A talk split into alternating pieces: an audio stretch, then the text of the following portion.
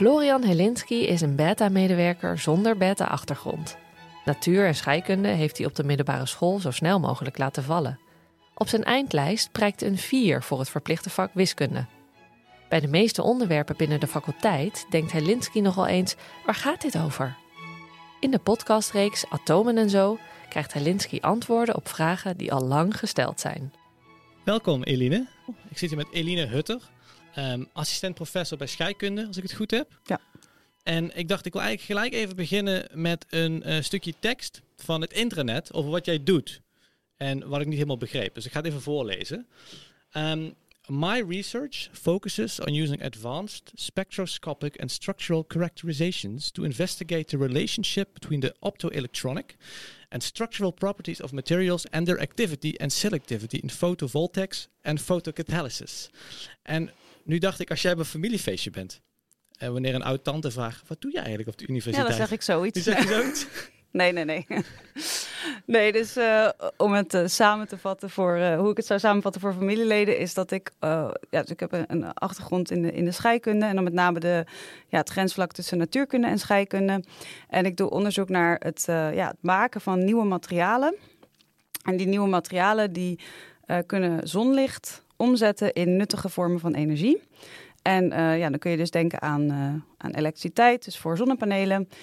Uh, of aan brandstoffen. Dus dat je de, de energie van zonlicht ja, omzet in, in moleculen, in brandstoffen. En dat je op die manier een, ja, een duurzame brandstof zou kunnen maken. En dat re reproduceer je in een, in, in, een lab bijvoorbeeld? Ja, ja. ja. En, en wat we, ja, dus we, we doen echt laboratoriumonderzoek. Um, en maken daarbij veel ja, dus om te begrijpen hoe die materialen vormen en of ze goed werken, of ze goed zijn in dat zonlicht omzetten, gebruiken we dus allerlei ja, spectroscopische technieken noemen we dat, waarbij we lasers gebruiken. Dus dan beschijnen we het materiaal even heel kort met licht, waardoor je een soort van nabootst wat de zon doet. En dan kan je kijken, voorspellen hoe goed zo'n materiaal het zou doen in, een, in bijvoorbeeld een zonnecel. En, en wat is een heel goed materiaal? Welk materiaal zeg je nou, dat is echt een heel goed ja, dus een van de, de, nou, een heel bekend, een hele bekend materiaal is silicium. Dat is een, een halfgeleider, wordt gemaakt uit zand. En dat is ook wat, uh, ja, waar eigenlijk de hele elektronische industrie op, uh, op, op leunt. Uh, en wat ook gebruikt wordt in, in de huidige zonneceltechnologie, dus wat je ja, op de daken ziet liggen. Ehm, wat wij onderzoeken zijn ja, nieuwere materialen, dus met name perovskietmaterialen. Uh, die, die komen niet voor in de natuur. Die worden, kunnen in het lab gemaakt worden, maar die uh, kun je heel makkelijk maken uit oplossing. Dus uh, dat silicium. Oplossing, wat, wat, bedoel je dan? Ja, dus letterlijk een oplossing, dus een vloeistof. Ja. Dus silicium, dan moet je het, ja, net zoals dat je glas maakt uit zand bijvoorbeeld, moet je met hele hoge temperaturen verhitten. Dus dat kost heel veel energie om te maken. En uh, wat wij proberen is materialen te maken gewoon uit een vloeistof, zodat je ze, ja, net zoals dat je een krant zou afdrukken, dat je ze gewoon kunt sprayen bij, uh, ja, bij kamertemperatuur. Dus dat er ook minder energie voor nodig is om, om die materialen weer te maken. Dus je bent eigenlijk op zoek naar een soort optimaal materiaal, constant waarschijnlijk. Ja, klopt, dus je zoekt ja. toch naar ja. wat is optimaal, wat kan beter, hoe kunnen we het verbeteren om die energie beter om te zetten? Of... Ja, ja. Ja, oké. Okay. En waar, waar komt die interesse vandaan? Ik heb zelf ook twee kleine kinderen. Ik zie dat die ook reuze nieuwsgierig zijn. Dus ik denk eigenlijk dat in alle kleine kinderen wel een kleine onderzoeker schuilt. Uh, ik heb altijd die nieuwsgierigheid gehouden. Dus ik vind het gewoon heel leuk om nieuwe dingen te, te ontdekken en proberen.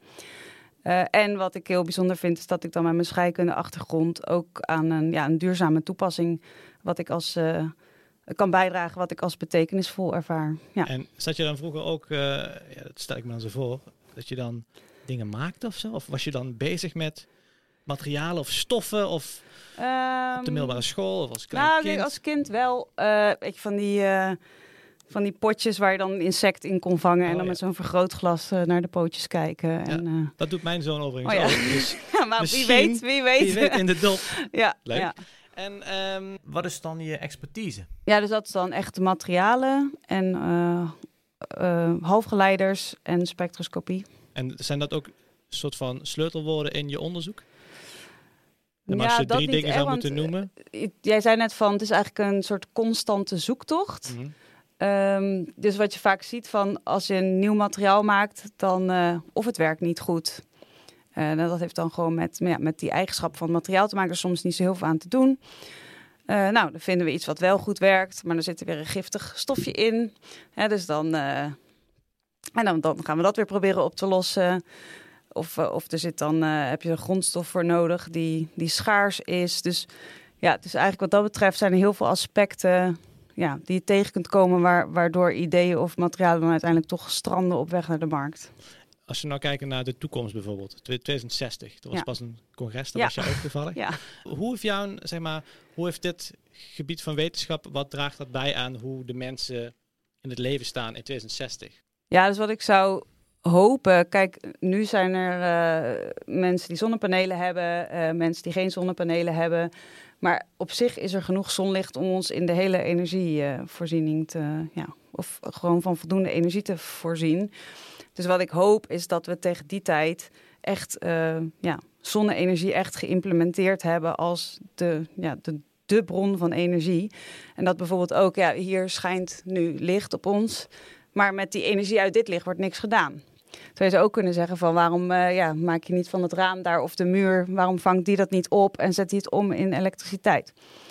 Dus en ik ken ook mensen die zeggen, ja, ik hoef geen zonnepanelen, want ik vind het zonde van mijn huis, ziet er niet uit. Ja, ik heb een buurman die zegt het inderdaad. Ja, ik vind ja, het heel lelijk. Ja. Maar het, het, de toekomst is toch ook dat we dat soort, hè, dat we die technieken inzetten in bijvoorbeeld bakstenen of in. Ja, precies. Ja. ja, dus dat hoop ik heel erg, dat het gewoon echt geïntegreerd wordt in, in, in ramen, in, in dak, uh, ja, dakpannen en dat, dat het gewoon uh, ja, onzichtbaar voor ons is.